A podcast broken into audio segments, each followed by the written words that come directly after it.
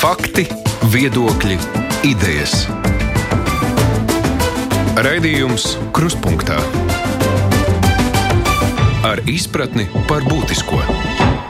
Studijā Mārija Ansone. Saima joprojām nav izpildījusi satversmes tiesas spriedumu par vienzimumu pāri juridisko aizsardzību un nav zināms, vai tas šīs saimas laikā tiks izdarīts.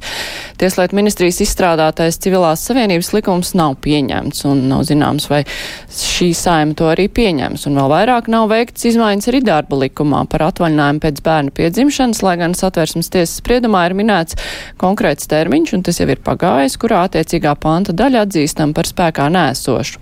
Tikmēr tiesa Latvijā pirmo reizi par ģimeni ir atzinusi vienzimumu pāri.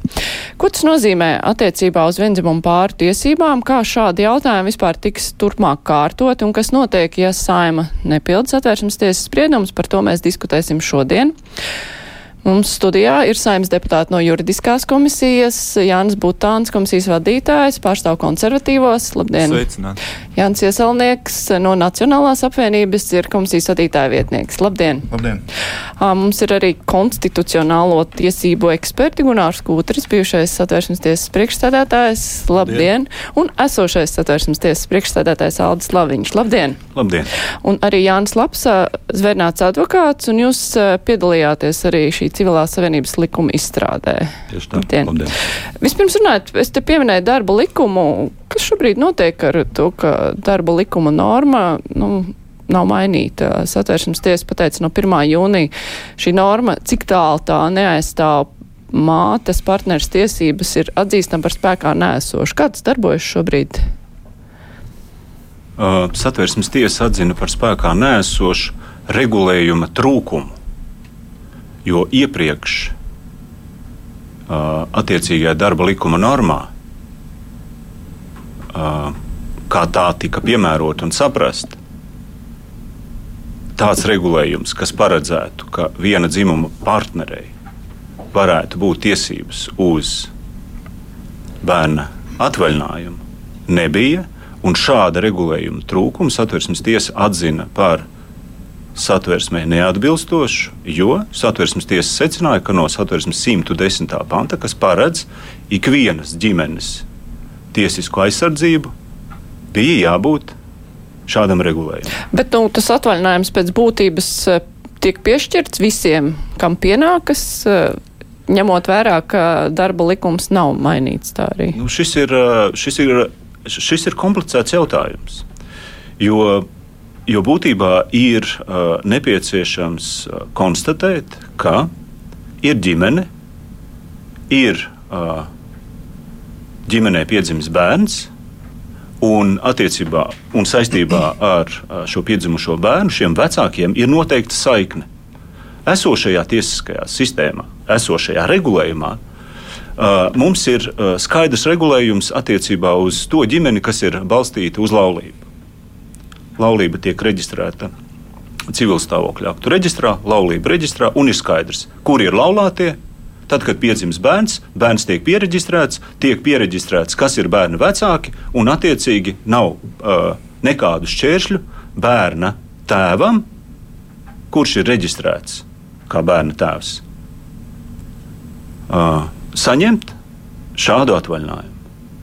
Šobrīd, kad sistēma nav izveidota, kādā tiek reģistrēti vienzimumu pāri, kādā tiek reģistrēta saikne ar bērnu, es teiktu, tas ir ļoti liels izaicinājums tiesību piemērotājiem. Ar šo tikt galā.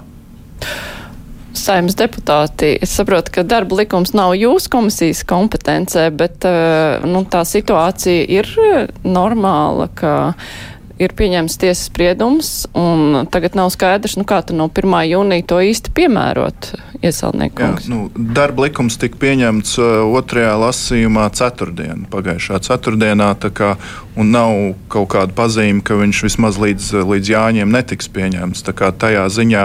Bērni uh, dzimst arī šajā starplaikā. Protams, un uh, es, es neesmu dzirdējis, ka, teiksim, tēvi nesaņemtu šo desmit dienu atvaļinājumu, jo satversmes tiesas spriedumā arī bija šis vārdiņš cik tālu vai ne, kas paskaidro, ka, ka, ka pats pāns nav pēc būtības pretiesisks vai ne pretējs satversmē, bet uh, viņš varbūt nav pilnīgs. Un, un Nacionāla apvienība arī atbalsta to sistēmu, kas ir ir šajos darba likuma 155. panta grozījumos paredzēta, proti, ka uz šo atvaļinājumu ir um, tiesīgs jebkurš mātes norādīt atbalsta persona, vienalga vai kādas ir attiecības mātei ar šo personu, tas nebūtu nav tikai vienzimuma personas, bet tā var būt arī teiksim, mātes māte, māsa vai citi radinieki, kas reāli piedalās bērnu audzināšanā un kurai būtu tie, nu, teiksim, kurai būtu pamats eh, prasīt šādu uh, desmit dienu atvaļinājumu, lai tīri nu, praktiski palīdzētu mātei šajā mm, pēcdzemdību periodā ar bērnu um, teiksim, tik galā. Un, bet, Manuprāt, šis, šis regulējums līdz Jāņiem tiks pieņemts. Es nezinu, kāpēc bija jāgaida labklājības ministrijai tik ilgs laiks, lai viņu iesniegtu saimā. Tur es tiešām nemācēšu komentēt. Bet, nu, tas ir, nu, tas ir, jā, tas ir Saimnes sociālo un darba lietu komisijā, un tur arī kaut kādas diskusijas ir bijušas. Es, kā citā komisijā strādājuši, es, nevar, es nevarēšu pateikt, vai varēja šo uh, likuma grozījumu darba likumā gru, uh, virzīt kaut kā ātrākā kārtībā, nekā viņš šobrīd saimā virzās. Nu labi, civilās savienības likuma projekts savukārt, uh, vai jūs prāt, tas tā nepieciešamība izriet no satversmes tiesas sprieduma? Nu, kā es lasu satversmes tiesas uh, spriedumu rezultatīvo daļu, tad runa ir par uh, darba likumu 155. pantu, ko saima varbūt ar novēlošanos, bet būs izpildījusi, manuprāt. Uh, tas, kas attiecās uz motīvu daļu, kur ir ļoti daudz, daudz atziņu un daudz lapušu garumā, nav, nav tā, ka saimai būtu burtiski jāievieš jebkuras satversmes tiesas pārdomas. Uh, saima, saimai, eh, nu, teiksim, no satversmes tiesas sprieduma izriet, ka saimai ir uh, pienākums kaut kādu regulējumu dot, bet nav obligāti prasība, kā saimai šo regulējumu, kādā virzienā šim regulējumam iet. Uh, līdz ar to teorētiski saima arī varēja pateikt, ka nē, ka mums ir satversmes 110. pantā nodefinētais laulības institūts ar noteikti ierobežojumu, un mēs tik un tā saskatām, ka tas ir punkts šajā diskusijā. Mm, tādas bija iespējas, saimta šādu iespēju neizmantoja, un tagad pats sevi ir nostādījusi tādā mazliet muļķīgā lomā, kad ir, ir šis te civilās savienības likums, kas ir iestrēdzis trešajā lasījumā, mm, nu, acīm redzot, dažādu iemeslu dēļ. Eh, bet eh, sai, saimai bija iespējas to nu, teiksim, reaģēt arī konsekventāk šajā situācijā. Butāna kungs. Es gan teiktu, ko atsauktos uz nu pat Laviņa kunga teikto par to, ka uh, Mums jau ir tās, ja, teiksim, ja būtu šīs darba likuma normas spēkā, mums vēl ir nepieciešams identificēt tās personas, uz kurām šīs darba likuma normas būtu attiecināmas. Un, ja mums ir spēkā tikai šīs darba likuma normas, kāda tad būs tā kārtība, vai kuras būs tās normas, pēc kurām mēs konstatēsim, uz kurām ir attiecināmas šīs darba likuma normas. Tātad faktiski ir nepieciešama izstrādāt kārtību, šajā gadījumā civilās savienības likums, kur, kur ietvaros mēs konstatējam kārtību, kurām personām pienākas visas tiesības, kas ir paredzētas nu, Latvijas pilsoņiem. Nu, kuriem, respektīvi, kuriem pilsoņiem, kuriem pašreiz nav tās tiesības, kas pienākas, kuri nevar izmantot visas tiesības, kas pienāks pārējiem pilsoņiem. Respektīvi, viens bez otra nestrādās. Jā. Mm, es gribētu iebilst, jo darba, darba likuma norma ir plašāka. Viņa attiecās uz jebkuru atbalstu personu pēc māsas izvēles, ja nav šī paternitāte, ja nav tēva faktiski ģimenē. Tas nozīmē, ka civilās savienības likuma projekts attiecās tikai uz mātes partneri bet eh, ne uz citām atbalsta personām, ko darba likuma grozījumi paredz. Līdz ar to nevar uzskatīt, ka šis civilās savienības likums uh, iedod kārtību, kā šo darba likuma normu uh, iz, izprast. Ja. Tur, tur visticamāk būs vajadzīga kaut kāda ministra kabineta noteikuma un kaut kāda prakse, kā māte var norādīt šo atbalsta personu, kas var nebūt partners. Tas var būt, kā es teicu, tā var būt māte, tēvs, māsa, jeb kādas citas personas, kas palīdz šo šo bērnu audzinātu. Skaidrs, Laviņkungs, nu, runājas, izējot no satversmes tiesas sprieduma, šeit ir tātad deputāta domstarpības, nu kā tad īsti iedzīvināt šo spriedumu, lai tas darbotos? Tad kāds ir jūsu redzējums? Darba likums būs labi, bet vai tas strādās bez uh, cita likuma, kas noteiks tad, uz ko tas viss attieksies? Uh, šaurāka un plašāka atbilde. Šaurā atbilde. Skatāmies uh, uz darba likuma regulējumu. Tas, ko iesaulnieka kungs minēja, es saprotu, ka jūs jau runājāt par uh, potenciāliem grozījumiem, kas jā, šobrīd ir otrajā, ir, lasījumā, uh, otrajā mm. lasījumā pieņemti. Un jūs minējāt, ka šie grozījumi ir plašāki nekā civilās savienības uh, likuma projektā ietvertais regulējums, kas attiecas tikai uz partneriem. Un jūs sakat, ka tur varētu būt uh, šis tēva atvaļinājums piešķirts ne tikai partnerim, bet arī citai personai, kuru bērna māte norādīs kā personu, kas sniedz šajā kritiski svarīgajā brīdī atbalstu. Tātad, ja mēs skatāmies uz šo un šāds regulējums tiktu pieņemts, es tik un tā teiktu, ka bez papildu regulējuma, kādā var tikt identificēta šī persona, kurai pienāks šis pabalsts, jo šobrīd tas ir tēva pabalsts. Kā noskaidrot tēvu, mūsu sistēmā ir ļoti vienkārši. Bērna reģistrā, bērna dzimšanas reģistrā ir aila par tēvu. Kurš ir ierakstīts par tēvu, šai personai ir tiesības uz šajā normā paredzēto uh, tēva atvaļinājumu.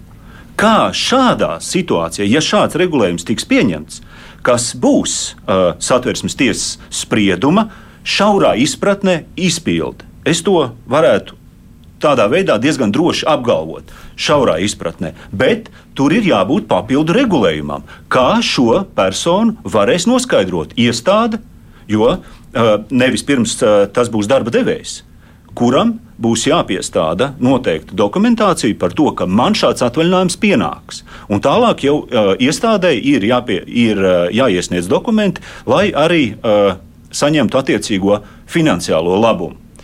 Tā būtu, kā jau es teicu, trešo reizi šaura izpratne par šās atvērsmes tiesas sprieduma izpildi. Plašākā izpratne, un te man jāatsaucās uz iesaulnieka kunga teikto, jūs lietojat formulējumu satvērsmes tiesas pārdomas. Labi, tā to var interpretēt, bet es tomēr gribētu teikt, ka Tā ir satversmes tiesas argumentācija, kura atbilstoši satversmes tiesas likuma prasībām ir saistoša ikvienam. Un šajā argumentācijas daļā ir norādīts uz to, ka valstī no satversmes 110. panta izriet pozitīvs pienākums izveidot tiesisko sistēmu, kādā arī šādas ģimenes tiek reģistrētas no valsts puses, un kāda sociālā, ekonomiskā aizsardzība šīm ģimenēm pienāks. Tas, ko satversmes tiesa savā spriedumā ir pateikusi, kur es varu piekrist iesaulnieku kungam, mēs neesam pateikuši, kā šī reģistrācijas sistēma ir jāizveido. Mēs neesam pateikuši, kāda sociālā, kāda ekonomiskā aizsardzība ir jānodrošina konkrēti. Tas ir likumdevēja jautājums. Bet šis, būtu, piedošana, mm -hmm. bet šis būtu lūk, tas plašākais jautājums. Viena lieta, mēs paskatāmies tikai uz darba likuma uh, regulējumu grozījumiem, bet satversmes tiesas sprieduma jēga tomēr ir palūkoties plašāk. Kas no satversmes 110. panta izriet? Un tur izriet tas lielākais pienākums - nodrošināt to, ka valsts izveido tiesisko sistēmu, kā aizsargāt arī šīs ģimenes. Un tāpēc uh, es loģiski saprotu saimnes rīcību, ka tā strādā pie uh, civilās savienības likumprojekta. Jā, Kūtrkungs, runājot par satvērsmes tiesas pārdomām, tās ir sēmai jāiedzīvina vai nav jāiedzīvina. Jūs esat bijis gan satvērsmes tiesas priekšsēdētājs, gan deputāts, tā kā abās pusēs. Ja, protams, ka satvērsmes tiesas sprieduma secinājuma daļā rakstītās pārdomas, ja mēs šodien lietojam tādu tiesas satvērsmes tiesas argumenti, kurā ir uzrakstīts, ka tiesību sistēmā kaut kas nav kārtībā, un tā tiesību sistēma ir jāsakārto. Un šajā spriedumā es mazliet teiktu, ka saimra uh, satversmes tiesa mazliet iegājusi tiesību politikas lauciņā, saskatot trūkumus, un es drīzāk piekrītu abiem diviem tiesnešiem, kam no sešiem tiesnešiem diviem bija atsevišķās domas šajā jautājumā. Es vairāk piekrītu viņiem, bet, uh, nu, ja satversmes tiesa tā ir spriedusi, tas ir jādara. Vienīgais, uh, vienīgais kas ir, ka satversmes tiesa, manuprāt, šajā secinājuma daļā nav noteikusi saimai atskaites punktu datumu, līdz kuram ir jābūt šim plašajam likumam pieņemtam, jo motīvu, tikai rezultātīvajā daļā ir runāts par darba likuma termiņu. Tas nozīmē, ka saima šo ģimenes, jeb kvazi laulības, es nezinu, kā to nosaukt, jeb tagad civil, civilās savienības likumā, likumam var veltīt ilgākus gadus. Jo beig beigās arī tiesas Bet tā darba likuma norma arī nestrādās līdz galam. Nē, darba likuma norma var strādāt arī tādā variantā, kad uh, ir ministra kabineta noteikumi, kuri pasaka, kādā veidā persona apliecina šo partneru esamību. Jo tas civilās savienības likums jau pēc būtības neaizsargās pārējos bērnus un tēvus kuri nav reģistrējušies, nebūs reģistrējušies šajā civilajā savienībā. Piemēram, ejot pie notāra, viņiem pie līguma noteikti būs jāmaksā, un tas nebūs mazāk kā 100 eiro, manuprāt, ja vien valsts nedotēs notāra darbību.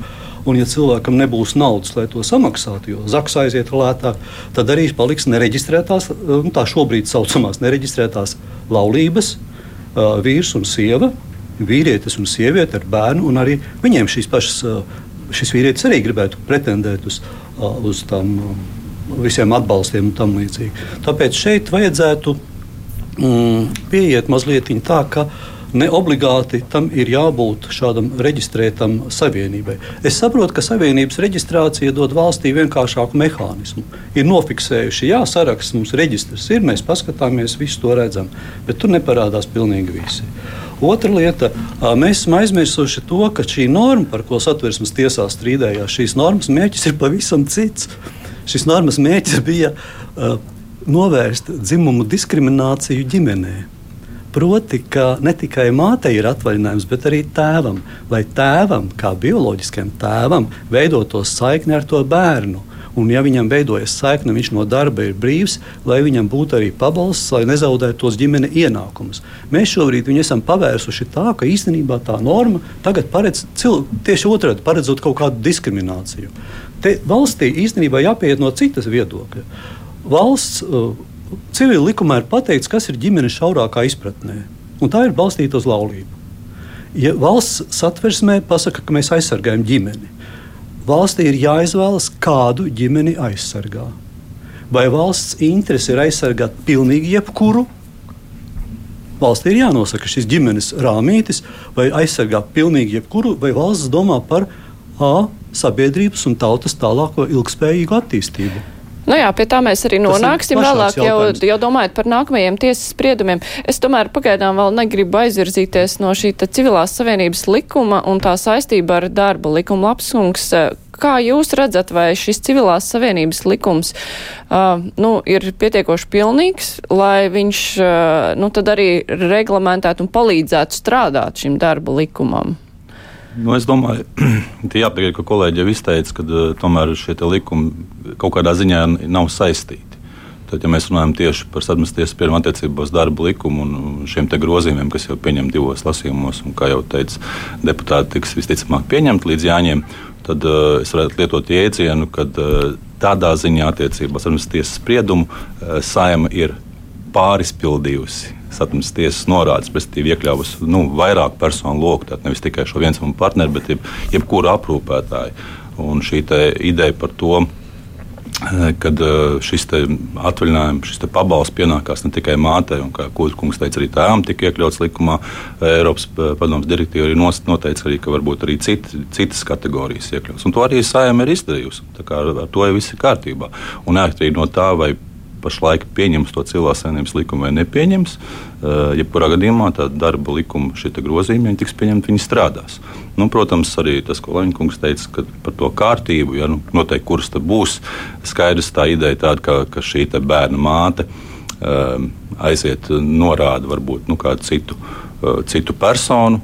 Nu, jā, labi, viņi norāda šo citu personu, bet atkal te jāizslēdz kaut kādi iespējamie krāpšanas gadījumi, ka norāda vairākas personas. Arī tāda situācija varētu būt, jo mēs zinām, ka e, pabalstu jomā, arī sociālā pabalstu jomā, arī notiek dažādi e, krāpšanas gadījumi. Tāpat tās arī vēl um, jāskatās vēl arī citi gadījumi ko atkal es neesmu tik uh, precīzi lasījis darba likuma grozījumus, vai, vai šis jaunais potenciālais regulējums aiz, aiz, uh, aizskars, bet viņš paredzēja tādu situāciju, ka, piemēram, uh, kad šo personu var norādīt arī tēvs, proti, tad, bērns dzimst, māte mirst dzemdībās, paliek tēvs ar bērnu.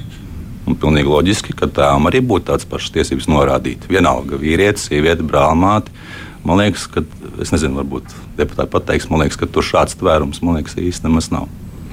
Bet uh, civilās savienības likums, kurš uh, regulē, nu, dažādas attiecības starp cilvēkiem, kuriem nav obligāti jābūt tādiem nu, partneriem ģimenes izpratnē. Tas, tie var būt arī nu, nezinu, cilvēki, vienkārši draugi, kuri kaut kādā veidā taistās kopīgās mājasēmniecības. Vai šis likums palīdzētu risināt tās problēmas, par kurām jūs tikko minējāt, jo šīs saiknes starp cilvēkiem var būt ļoti dažādas? Nu, es nedomāju, ka viņš ne palīdzēs, ne traucēs. Tas, manuprāt, tomēr ir cits regulējums, un kā jau šeit izskanēja, tad, tad šeit ar civilās savienības likumu tātad, likumdevējs un pirms tam, tad, protams, pro, likuma projekta virzītājs Tieslietu ministrija paredz šo iespējamo regulējumu, kas izriet no sadarbības tiesas secinājuma daļas, kas arī, kā jau te izskanēja, ir saistoši. Ja? Bet pati tiesas rezultātā runā par darba likumu. Kā, manuprāt, tas ir jāskatās. Ir nošķirti. Es atgādināšu klausītājiem, vēlāk Latvijas televīzijas skatītājiem par viesiem mūsu studijā. Šeit ir no Saimas juridiskās komisijas Jānis Butāns, komisijas vadītājs pārstāv konservatīvos, Jānis Iesalnieks, komisijas vadītāja vietnieks pārstāv Nacionālo apvienību. Šeit ir arī satversmes tiesas priekšsēdētājs Aldis Laviņš, bijušais satversmes tiesas priekšsēdētājs Gunārs Kūtrs un zvērnāts advokāts Jānis Laps. Mēs tūlīt turpināsim. Raidījums Krustpunktā. Tā kā Kūtra kungs jau pieminēja šos te apsvērumus par to, ka val, par ģimenes jēdzienu un to, ka valstī būtu jāizlemj, kā ģimene aizsargāt. Šobrīd ir administratīvās tiesas spriedums. Protams, to var pārsūdzēt. Mēs nezinām, ar ko tas gal galā beigsies, bet nu, tur bija runa, ka pēc divu viena dzimuma personu attiecības tika skatīts kā ģimenes attiecības. Tas nozīmē, ka uz vienu dzimana, dzimuma personām var attiecināt uh, ģimenes jēdzienu. Uh, nu, ja mēs skatāmies uh, plašāk uz arī šo civilās savienības likumu, lai nu kā viņu nosauktu, bet uh, šajā likumā ļoti ir uh, mēģināts izvairīties no visa, kas tiek saukts par ģimeni. Respektīvi, ģimenes jēdziens ir nošķirts, jo tieši tas arī ir izraisījis vislielāko satraukumu cilvēkos. Ja administratīvās tiesas spriedums paliek spēkā, vai tomēr šis te ģimenes jēdziens nav jāpiemēro arī tādā civilās savienības likumā, kā jums šķiet? Uh, nu, administratīvās rajona tiesas spriedums ir pieņemts. Jā, uh, uh, es teiktu, ka vēl ir jāsagaida, kāds nolēmums stāsies spēkā. Es izlasīju rezultātīvo daļu. Man ir daži jautājumi, kāpēc rezultātīvā daļa ir šāda. Es uh, nelīdz galam, nelīdz galam sapratu, ko nozīmē konstatēt publiski tiesiskās attiecības, atzīt, ka starp divām fiziskām personām ir izveidota ģimene. Vai šīs ir tās publiski tiesiskās attiecības starp divām personām? Tās, manuprāt, nav publiski tiesiskās attiecības. Tāpēc es teiktu, šeit ir iespēja šo nolēmumu vēl pārsūdzēt, un redzēsim, kā šis jautājums tiks atrisināts gala beigās administratīvo tiesu praksē. Bet idejiski šo spriedumu es saprotu. Tātad šīs personas vēlas no valsts atzīt to, ka viņu savienība ir kvalificējama kā ģimene. Un tiklīdz valsts viņus ir atzinusi par ģimeni, tā viņi varētu pretendēt uz tiem sociāliem, ekonomiskiem labumiem, ko normatīvie akti šobrīd paredz ģimenei, kas ir balstīta uz laulību. Tāds ir tas mērķis. Vai pareizais instruments ir izmantots tīri no administratīvā procesa? Varbūt, bet man šobrīd, kā jau teicu, ir daži jautājumi saistībā ar to. Jautājums Butāna kungam arī citēšu Kutra kungu. Jūs vienkārši pametāt vairākas apspriežamas domas. Valsts izlēma, kādu ģimeni aizsargāt, vai ja ir runa par ģimeni, vai var dalīt, kādas ģimenes aizsargāt un kādas nē? Ģimene kā tāda jau nosaka, principā mēs ja skatāmies, kas ir ģimene, tad tas noteikts civil likumā. Un civil likumā tāda ģimene ir uh, laulības, kur ietvaros uh, dzimst bērni, tātad laulības kopā ar bērniem līdz to pilngadības sasniegšanai, līdz tie ir vienā uh, dzīvo, dzīvo kopā. Līdz ar to nu, vairāk nekur tiesību aktos tā īsti nav pieminēts, kas ir ģimene. Līdz ar to mēs vairāk varam runāt par ģimeniskām attiecībām. Tā, šajā gadījumā ģimeniskās attiecības, ko mēs arī varam saprast ar, ar kopdzīvi, mantiskās attiecības, atbildība, sociālās garantijas, tad, manuprāt, valstī ir jānodrošina tieši šīm, tātad, šiem cilvēkiem, kas dzīvo tādās tāda veida attiecībās, kas ir teikt, ģimeniska, ģimeniskās attiecībās, tādi paši sociālie, sociālās garantijas, kādas ir cilvēkiem, kas ir ģimene, kas ir tātad, stājušies laulībā, kuriem ir bērni.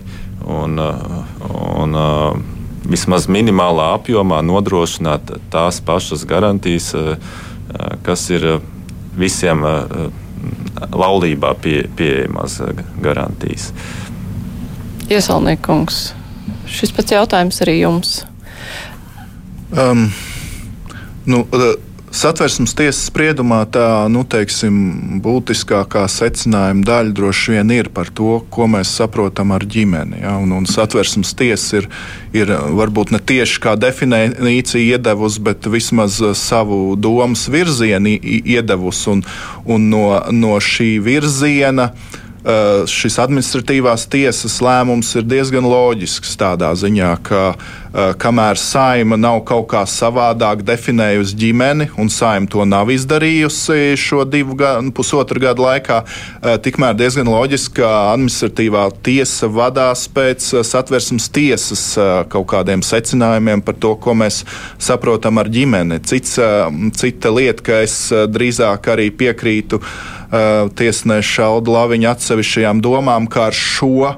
Um, ar šo uh, faktiski satversmes tiesa ir ietiekusies likumdevēja kompetencē, tāpēc vēl jau vairāk uh, saimai vajadzēja uh, izmantot iespēju un pašai definēt uh, piemēram, satversmes 110. pantā, nevis vienkārši eh, kā tas šobrīd ir, ir valsts aizsargā ģimeni, bet arī paskaidrot, eh, kas, kas ir šī ģimene. Jo šobrīd mums, mums sanāk diezgan liela putra vismaz nu, tādu normatīvu aktu ziņā ko mēs saprotam ar ģimeni. Un, un tas, ka teiksim, administratīvā tiesa konstatē, ka ir ģimenes attiecības, mums jau nav tāda ģimeņu reģistra ja, valstī. Nav saprotams, kas no tā tālāk izrietēs. Nu, labi, tiesa ir konstatējusi ģimenes attiecības, bet kas tālāk no tā sociālajā pabalstu ziņā un visādās citādās, nu, kā, kā tas iespaido šo, šos. Jo, satversmes tiesa jau nav pozitīvais likumdevējs. Viņi nevar radīt jaunas normas, viņi ir negatīvais likumdevējs. Viņi var pateikt, ka kāda norma ir nepilnvērtīga vai pre, pretēji satversmei, bet šajā gadījumā sanāk, ka de facto satversmes tiesa ar šo tieši ģimenes skaidrojumu ir kļuvusi par pozitīvo likumdevēju, ko administratīvā rajona tiesa jau, jau faktiski tā realizē praksē, vismaz pat ja šādas tiesību normas nekur likumos nav, ka administratīvā tiesa varētu šādu veidu konstatācijas veikt. Tā kā, nu, uh, kamēr, kamēr būs šī situācija, kad saima nav uh, normatīvi uh, pateikusi savu vārdu, kas ir kas um, likumdevēja ieskatā ir ģimene, tikmēr būs šī tiesiski neskaidrā situācija, manuprāt, un tikmēr arī būs iespējams vēl administratīvo tiesas spriedumu, kas nu, izrietēs no satversmes tiesas spriedumā iedotajām vadlīnijām, ko satversmes tiesa uzskata par ģimeni.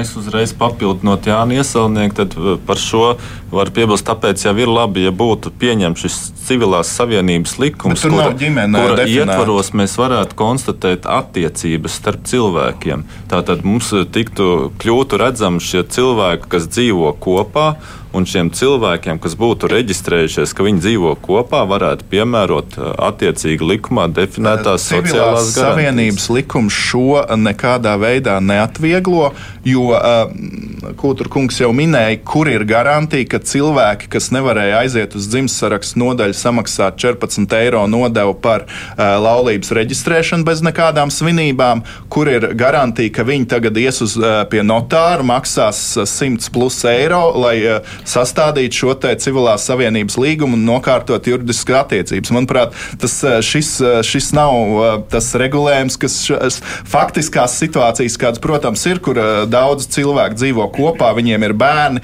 šis to neatrisinās. Bet, nu, labi, ir situācija tāda, ka Latvijā parādās nu, jau tiesas spriedumi, kur ir runa par to, nu, kas paplašina ģimenes vai vismaz ģimenes attiecību jēdzienu. Ir jau arī Eiropas Savienības tiesas spriedums par to, ka viendzimumu pāri ir un viņu bērni ir atzīstami par ģimeni. Nu, vai galu galā Latvijas likumdevējiem nebūs jā, kā jādomā vēlreiz par ģimenes jēdzienu? Nezinu, varbūt ne atsevišķā likumā, bet, piemēram, civil likumā, kur jau tagad ir ģimenes tiesības. Jūs norādījāt, ka tajā civilās savienības likumā tiešām par ģimeni nekas nav runāts, izņemot otrajā pantā ja kaut kur viņam citās valstīs pastāv ģimenes stāvoklis kaut kāds. Civil likumā savukārt ir šis mazais formulējums par to, ka šaurā izpratnē tā ir uz laulību balstīta. Jo arī ģimene civil likumā ir regulēta ģimenes tiesībās, laulība un tā tālāk sekojošās nodaļas. Ko varētu darīt? Ja mēs skatāmies uz satversmi, kur mēs nodalām laulību, to mēs neaiztiekam, ģimene un bērni. Es domāju, ka par bērnu tiesību aizsardzību viennozīmīgi katra valsts iestāsies, un tas ir galvenais uzdevums. Tad jautājums ir par to ģimeni, ko mēs uzskatīsim. Ir viens variants, ka uh, likumdevējs nosaka kaut kādus kritērijus, kaut vai teiksim, civil, ties, civil likumā, kādu personu savienību var uzskatīt par ģimeni, un kas to uzskata, vai tikai valsts atzītais. Uh, Un otrs variants - likumdevējs neko nenosaka, un tiesas ar atsevišķiem spriedumiem taisa kritērijus, jeb pazīmes, pēc kurām katrs varētu pretendēt uz ģimenes statusu. Tas ir dārgāks prieks, jo tiesas process ir garāks. Bet tajā pašā laikā es teiktu, tā, ka pasaulē, gan vēsturē, gan mūsdienās mēs zinām dažādas ģimenes formas. Ja mēs vienu lietu zinām, nu, mums ir klasiskā, tradicionālā ģimene. Uh, Eiropā jau atzīst šīs vienpersonu, vien, personu ģimenes. Uh, mēs bieži vien esam arī spriedumos, ka satversmes tiesa pieminējusi tās augstās nepilnās ģimenes, kur ir viens no vecākiem vai vecāku nav, bet ir bērns. Uh, mums ir auģu ģimenes un tā tālāk. Tad, tad veidojas. Uh, kāpēc poligāmijā nevar būt ģimene? Kāpēc Latvijas valsts neatzītu teiksim, kādu musulmaņu uh, cilvēku, kuri gribētu šeit vairākas sievas uh, fiksēt kā ģimeni arī? Tātad mums, uh, vai, vai teiksim, mūsdienu modernais, ka trīs cilvēki metas kopā, vienalga kāda dzimuma, bet arī dažādu. Tur, nu, pagaidām ir Eiropas Savienības uh, viņi, tiesas lēmums, uh, viņi kas tiesu un prasa atzīt viņu ģimeniskās un mīlestības saites tik tālu, lai atzītu to kā ģimeni un valsts aizstāvētu. Nu, jā, bet nu, labi, runājot tikai par to esošo Eiropas Savienības tiesas lēmumu, tas mums ir saistošs. Mums ir kaut kā jādomā par ģimenes jēdzienu maiņu. Bet, uh, Ja es drīkstu vaicāt, jūs pieminat vairākas reizes Eiropas Savienības tiesas nolēmumu. Labprāt, labprāt varētu nu, precizēt, kas tas ir domāts. Jo Te drīzāk būtu jāvērš uzmanību par to, kā Eiropas cilvēktiesību tiesa ir definējusi, kas konvencijas izpratnē ir ģimene, ģimenes tiesiskās attiecības un Eiropas cilvēktiesību tiesas judikatūra konvencijas dalību valstīm ir saistoša. Un šeit iespējams būtu tas galvenais uzsvars, jo Eiropas Savienības tiesības lielā mērā respektē to, kā nacionālajā sistēmā ir definēta ģimene. Kas ir definēta ģimene? Un tad, kad šo lietu skatījām, mēs arī piemērojot šo direktīvu, kas paredz Uh, respektīvi Eiropas Savienības regulējumu, kas nosaka, kādā veidā būtu piešķirams tēva atvaļinājums, mēs redzējām no šī normatīvā akta, ka ir atstāta liela rīcības brīvība dalību valstīm atbilstoši tajās esošajām tiesiskam regulējumam noteikt, kam šis tēva atvaļinājums pienākās. Latvijā šobrīd, kā jau teicu, tad, kad tika gatavots spriedums un uh, šajā raidījumā jau tika norādīts uz to, ka man šajā uh, lietā bija atsevišķās domas, un es pie šīm domām joprojām palieku. Nesmu mainījis domas. Uh, Tātad, atgriežoties pie šī, ka Eiropas Savienības regulējums paredz samērā lielu rīcības brīvību tam, kā mēs nacionālajā sistēmā nosakām, kam tēva atvaļinājums pienāks. Uh, tas, ko Eiropas Savienības uh, tiesības paredz un kas izriet arī no uh, Eiropas Savienības tiesas judikatūras un arī no vairāku Eiropas konstitucionālo tiesu judikatūras, ir tas, ka ja citās valstīs ir noslēgta šāda laulība, un citās valstīs šī laulība, šīs laulības noslēgšana ir legāla, tāda ir pieļauta saskaņā ar likumu, tad pārējās Eiropas Savienības dalību valstīs ir jāatzīst. Šis tas, fakts jā. ir jāatzīst. Tātad uh, vienzimumu pāris, kas, piemēram, ir laulājies uh, Beļģijā, mums Latvijā viņu tiesiskās attiecības ir jāatzīst. Par to nevar būt vairs šaubu. Lietuvas, Igaunijas konstitucionālā tiesa, uh, Igaunijas augstākās tiesas uh, konstitucionālo tiesību departaments tā ir lēmis, un es domāju, Latvijā nebūtu citāds risinājums. Bet mūsu situācija bija atšķirīga. Mums bija viens regulējums, darba likuma regulējums apstrīdēts un ļoti šaurā aspektā. Vai šāds tēva atvaļinājums pienākas kādai citai personai?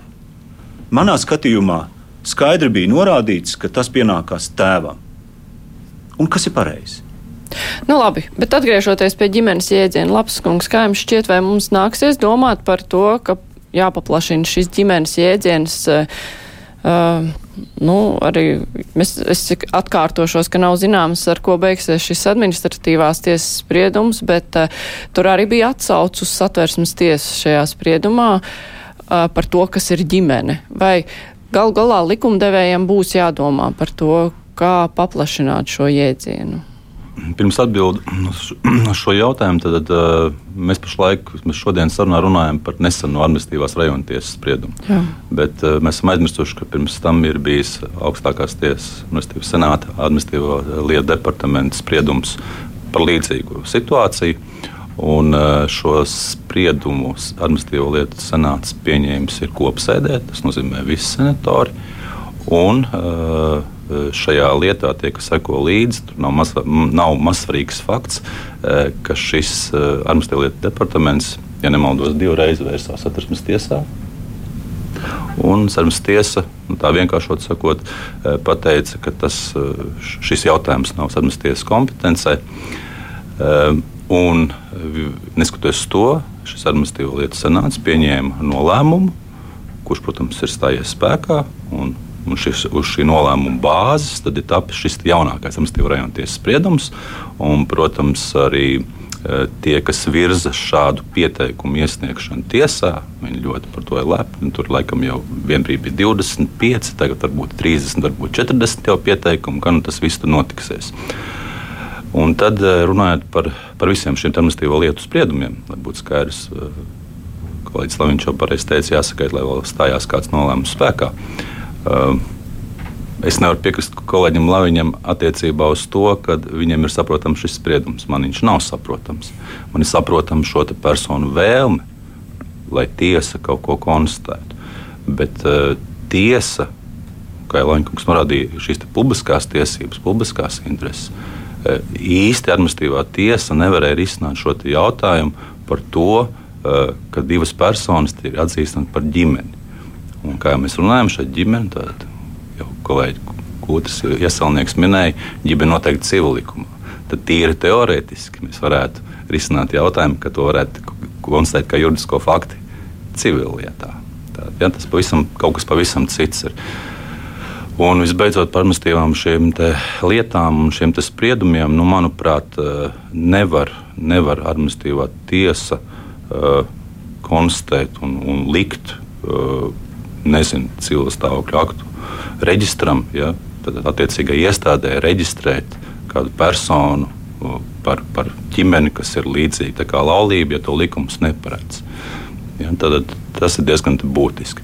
Nu, attiecībā par to, ka uh, par šo ģimenes jēdzienu nu, nenoliedzam, te jau par to man liekas, ka nevienam šeit nav jautājumu un, un diskusiju par to, ka eh, ģimenes jēdziens sarunas tiesa ir ne tikai šajā 2020. gada novembrī, bet arī pirms tam, man liekas, vairākas reizes ir jau ieminējusies, ka, šī, ka šis ģimenes jēdziens ir plašāks, eh, ka šis ģimenes jēdziens tiek, eh, tiks paplašināts. Jautājums, vai civilās savienības likums to atrisina? Drīzāk nē. Vai būtu jādara grozījumi civilikumā? Iespējams, bet nu, grozīt civilikumu, kā mēs zinām, tas vienmēr ir diezgan smagnējs process. Un attiecībā par civilās savienības likumu, tā kā es tur esmu piedalījies saka, no A līdz Z, varētu teikt, e, tad tā jēga un tā sākotnējā apspriešana darba grupā, kuru tieslietu ministrs izveidoja, un kur bija, ja nemaldos, ap 40 cilvēki, 40 dažādu, visādu institūciju, pieaicināts personas, eksperti, speciālisti. E, viens no tiem galvenajiem jautājumiem, kas, protams, iziet no satmas tiesas, bija šis ģimenes jautājums. Un, un, un, kā saka, lielais karogs bija bērnu labākās intereses. Par to mēs tajā darba grupā ļoti daudz runājām un strīdējāmies, diskutējām. Ja mēs skatāmies cilvēks savienības likumu, kur tur ir bērnu labākās intereses. Un tas viņas, jautājums viņas tur nav. Nav skarts, jā. Tad, kas ir jādara ar civilās savienības likumu? Varbūt saimta pareizi dara, ka nepieņem jāpārstrādā? Nē, nu, ir jā, jāteic tā, ka, protams, jau te kolēģi jau izteicās, ka zemes tiesa ar savu spriedumu eh, iegāja šajā likumdevēja lauciņā, kā mēs sakām, sarunu valodā. Un, arī es sniedzot kaut kādas iepriekšējās intervijas, pat vēl, kad nebija tiesneša slaviņa atsevišķās domas, viņas principā saskanēja diezgan procentuāli ļoti daudz. Un par to, ka, kas būtu jādara. Nu, skaidrs, ka kaut kas ir jāvirz uz priekšu. Jautājums vienkārši, vai tas, kāds pašlaik tas Cilvēks Savienības likums ir, vai tas ir tas pareizākais risinājums. Jo mazliet tas pavisam īsi par to darbu grupu, kā jau saku, viņi bija no pagājušā gada februāra līdz nu, visu gadu, 2021. gadu, nu, principā no sprieduma pieņemšanas. Tas sākotnēji tiešām daudz cilvēku tur bija, bija dalīts apakšgrupās, mēs risinājām jautājumus, bērnu labākās intereses un tā tālāk. Un tad līdz galam netika pateikts, ka Tieslietu ministrija virzīs tieši šo civilās savienības likumu. Tas nāca lielākā daļa darba grupu kā pārsteigums. Kaut īstenībā, manuprāt, tā pareizā tā metodoloģija bija tāda, ka ir šī darba grupa, ļoti daudz cilvēku, ir apakšgrupas, ir viedokļi, un tad Tieslietu ministrija, kur, protams, tā ir viņa tiesība politika, tas ir viņa prerogatīva. Izlemiet, vai mēs risinām jautājumu kaut kādus līgumiskos veidus, vai virzām civilās savienības, un tad būtu labi, kad Tieslietu ministrija pateiktu, Mēs zinām civilās savienības likumu, un tad mēs tā darba grupa 40, 20 vai 30 cilvēki pie tā strādātu. Un jāteic, eh, ka tā diemžēl īsti nenotika. Tas sākotnējais civilās savienības likuma projekts bija, es varētu izteikties, nekāds. Tagad viņš jau uz trešo lasījumu ir kaut kāds, tad ir jau zināmi uzlabojumi, bet nu, viņš neatrisina nu, pietiekami daudz arī citu problēmu. Kas tad notiks ar šo likuma projektu galu galā? Šeit paturpinot domu, var teikt, ka principā ir vairāk tādu vērtību sadursmes starp cilvēku, cilvēku uzskatiem. Un, un ja teiksim, likuma izstrādē piedalās ļoti daudz cilvēku, viņi ir ar saviem uzskatiem, vērtībām, kur tie uzskati ir pretpolos pilnīgi atšķirīgi. Līdz ar to likuma izstrādātājam un arī man kā likumdevēju, likumdevējam ir svarīgi, lai šā, šos uzskatus, dažādos uzskatus kaut kādā veidā vienotu, lai sabiedrība saliedētu un tas kopējais ir nodrošināt līdzīgas, vienādas tiesības visiem. Eh, nevar būt tā, ka pretnostatīt vienu vai otru grupu pārāku sabiedrības grupu par citu. Līdz ar to eh, tas likums pašreiz ir sagatavots tāds, lai iespējami atrastu to labāko kompromisu ceļu starp šīm, šīm viedokļu dažādībām. Un, manuprāt, eh, šis būtu tas pirmais solis, ko mēs varētu izdarīt, ir pieņemt šo likumu, un tad laika gaitā, protams, ir iespējas likumu pilnveidot kurā virzienā pilnveidot, nu, tas jau būtu atkal mm, skatītos no sabiedrības, eh, no uh, tiesu nolēmumiem, eh, kas ir nepieciešams papildināt, vai, tai, vai, tai, vai pretēji varbūt jāizslēdz kaut kas. Ir, kā, manuprāt, ir jāvirza jau un iespējams drīz, jo nu, atlikt to jautājumu, manuprāt, nav liederīgi, jo, ja skatāmies tā kopumā Eiropā, tad eh, nu, Eiropa kopumā tomēr virzās, ka šāda veida regulējums ir sagatavots un ar atsevišķiem izņēmumiem, kur vēl tas nav, vai, vai arī tāpat kā Latvijā tas ir procesā. Līdz ar to, manuprāt, nav liederīgi eh, atkal dibināt kaut kādu darba grupu, kaut ko strādāt, pārstrādāt, un tas nav zināms, kad tas atkal varētu būt uh, panākts. Nu, Tas ir mans viedoklis. Jā, manuprāt, Pirmkārt, būtu jāsagaida korupcijas novēršanas apkarošanas biroja atbildi, vai šis civilās savienības likums juridiskajā komisijā trešajā lasījumā tika pieņemts nu, teiksim, likumīgā procedūrā. Tas pirmkārt būtu jāsagaida. Es, protams, arī nekad neesmu slēpis, ka es konceptuāli esmu pret šo civilās savienības likumu, jo tas rada nu, teiksim, tādu kvazi-laulības tiesību institūtu, kāds, manuprāt, nav nepieciešams, bet tas, kas, manuprāt, saimai būtu jādara, lai atrisinātu satversmes tiesas spriedumu radīto šo tiesisko neskaidrību, kas, kā mēs redzam, izplatās tālāk arī caur administratīvajām tiesām. Saimai būtu jādod sava atbilde par to, ko tā uzskata par ģimeni. Nacionāla apvienība pirms pusotra gada jau iesniedza uh, Eh, satversmes grozījumu projektu, kur, eh, kur mēs runājam par ģimeni, eh, kā nu, teiksim, cilvēku kopu, kas var veidoties gan uz laulības, gan uz asinsradniecības, gan uz adopcijas ceļā, var veidoties ģimene. Tā ir Nacionālās apvienības teiksim, ieskats. To arī saimnes vairākums tobrīd atbalstīja, un šobrīd šis, šie satversmes grozījumi stāv vēl joprojām juridiskā komisijā neskatīti. Bet vai tas Bet atrisinātu satversmes tiesas? grozījums satversmē. Tikpat uh -huh. labi mhm. varētu būt arī kaut kādi papildus grozījumi civil likumā.